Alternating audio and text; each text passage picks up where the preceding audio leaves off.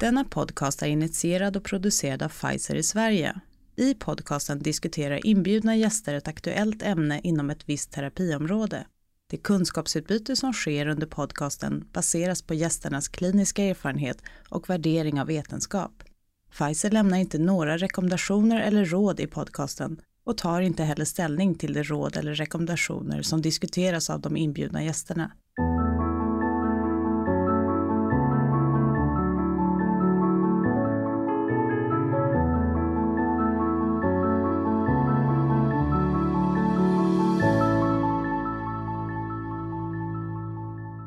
Pratas mycket om nya digitala patientverktyg för patienter med reumatisk sjukdom. Och så även under Euler. Här hör vi Susanne Karlfeldt, forskningskoordinator på Akademiska specialistcentrum, Centrum för reumatologi. Hon berättar om studien Developing e-health solutions for patients with patients och vikten av att inkludera patienter i ett tidigt skede vid framtagande av nya e-hälsotjänster. Bakgrunden till projektet är att vi på Akademiskt specialistcentrum, som är en enhet inom SLSO i Stockholm, vi fick en förfrågan om att vara med och utveckla en app som är framtagen inom SLSO som heter Alltid öppet.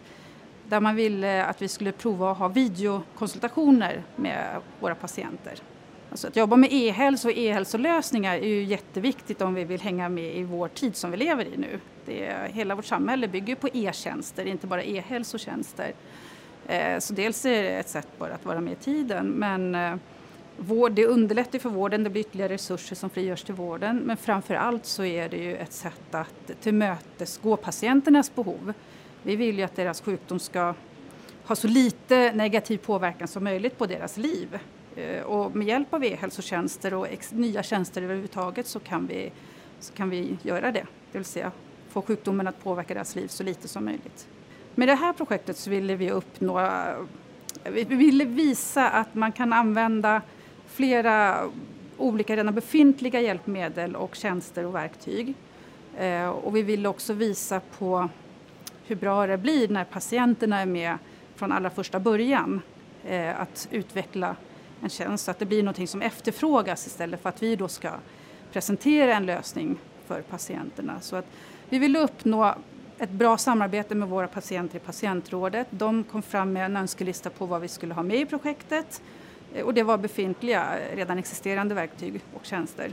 Den största utmaningen med att arbeta på det här sättet tror jag ligger väldigt mycket hos oss själva i vår attityd och i vår historia och tradition hur vi, hur vi brukar jobba. Vi brukar inte involvera patienter från allra första början utan vi, vi jobbar åt patienterna, för patienterna istället för med patienterna. Så det är väl den största utmaningen tror jag. Eh, och sen är vissa är mer benägna att ta till sig eh, nya eh, sätt att arbeta och tänka och vissa är mindre benägna. Så det, jag får ha lite respekt också för de som inte är lika snabbt på tåget. Nästa steg i det här nu är att vi ehm, samlar alla de tjänster som ingår i projektet, i den här processen, i den här appen. Eh, från början, eller nu så var det just videokonsultationen som sker via appen. Men nu bygger vi in så att även de här andra tjänsterna och eh, serviceerbjudandena ligger i appen. Så man slipper hoppa mellan 1177 och andra enheter. Och det pågår just nu och vi hoppas ha så kallade smarta paket klara någon gång under hösten för att börja testa på våra patienter, de som vill. Vi fortsätter med Kajsa Elin Holstrand, ordförande i Unga Reumatiker som berättar om Unga reumatikerrapporten och arbetet med framtagningen av det nya digitala patientverktyget Drömfångaren. Eh, bakgrunden till eh, Unga Unga reumatikerrapporten var att vi 2017 när vi antog vårt första intressepolitiska program också ville se vilka frågor som var särskilt viktiga för våra medlemmar och vad som fungerade och vad som redan, ja, vad som redan fungerade och vad som inte fungerade och eh, beslutades därför att göra en medlemsundersökning bland våra medlemmar och det gjordes i samarbete med Pfizer. Skickades ut till 1550 medlemmar som vi då hade och eh, 425 personer svarade och det var huvudsakligen ja eller nej-frågor som eh, vi ställde då angående eh, de olika ämnena som vi hade i vårt intressepolitiska program. Och eh, det var då framförallt för att vi ville kunna se vilka, vilka frågor vi ska lägga särskilt fokus på i vårt intressepolitiska arbete. Det vi ville uppnå med projektet var framförallt att få veta vad våra medlemmar tycker är viktigt så att vi kan ha det eh, med oss i vårt arbete.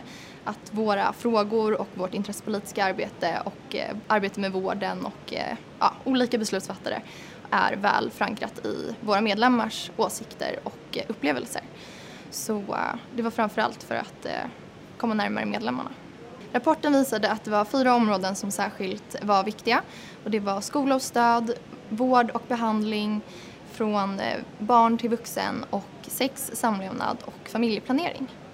Och eh, som exempel då från barn till vuxen så visade rapporten att 74 procent upplevde att de kände så visade rapporten att 74 procent kände oro i samband med övergången från barn till vuxen och 70 procent upplevde att de inte fick tillräcklig information i samband med övergången till barn till vuxen.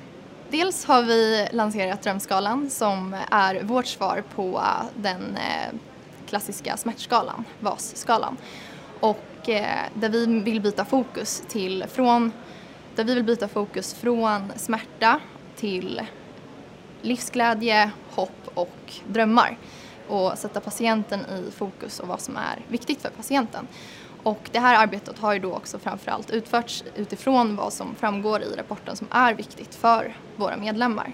Och eh, är också det som vi använder i, som stöd när vi pratar med vården och träffar politiker och eh, driver olika intressepolitiskt arbete. Drömfångaren är tänkt att bli en, eh, ett digitalt innovativt tillgänglighetsanpassat verktyg i form av en app som ska användas av patienten och är både tänkt för att användas för patientens eh, egenvård men också för eh, att samarbeta med vården inför vårdmöten till exempel, kunna effektivisera dem utifrån vad som är viktigt för patienten.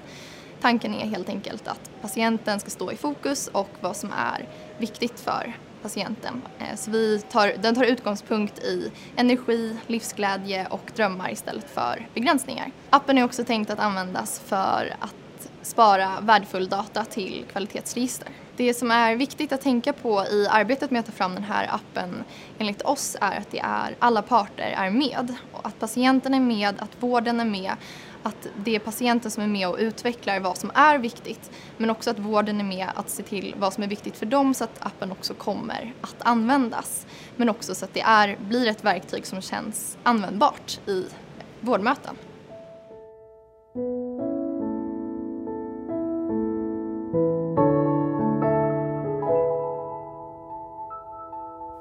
Tack för att ni har lyssnat. Missa inte att gå in på pfizerplay.se. Där samlar vi alla intervjuer och webbinarier från utbildningar och kongresser. Och där kan ni också registrera er till vårt nyhetsbrev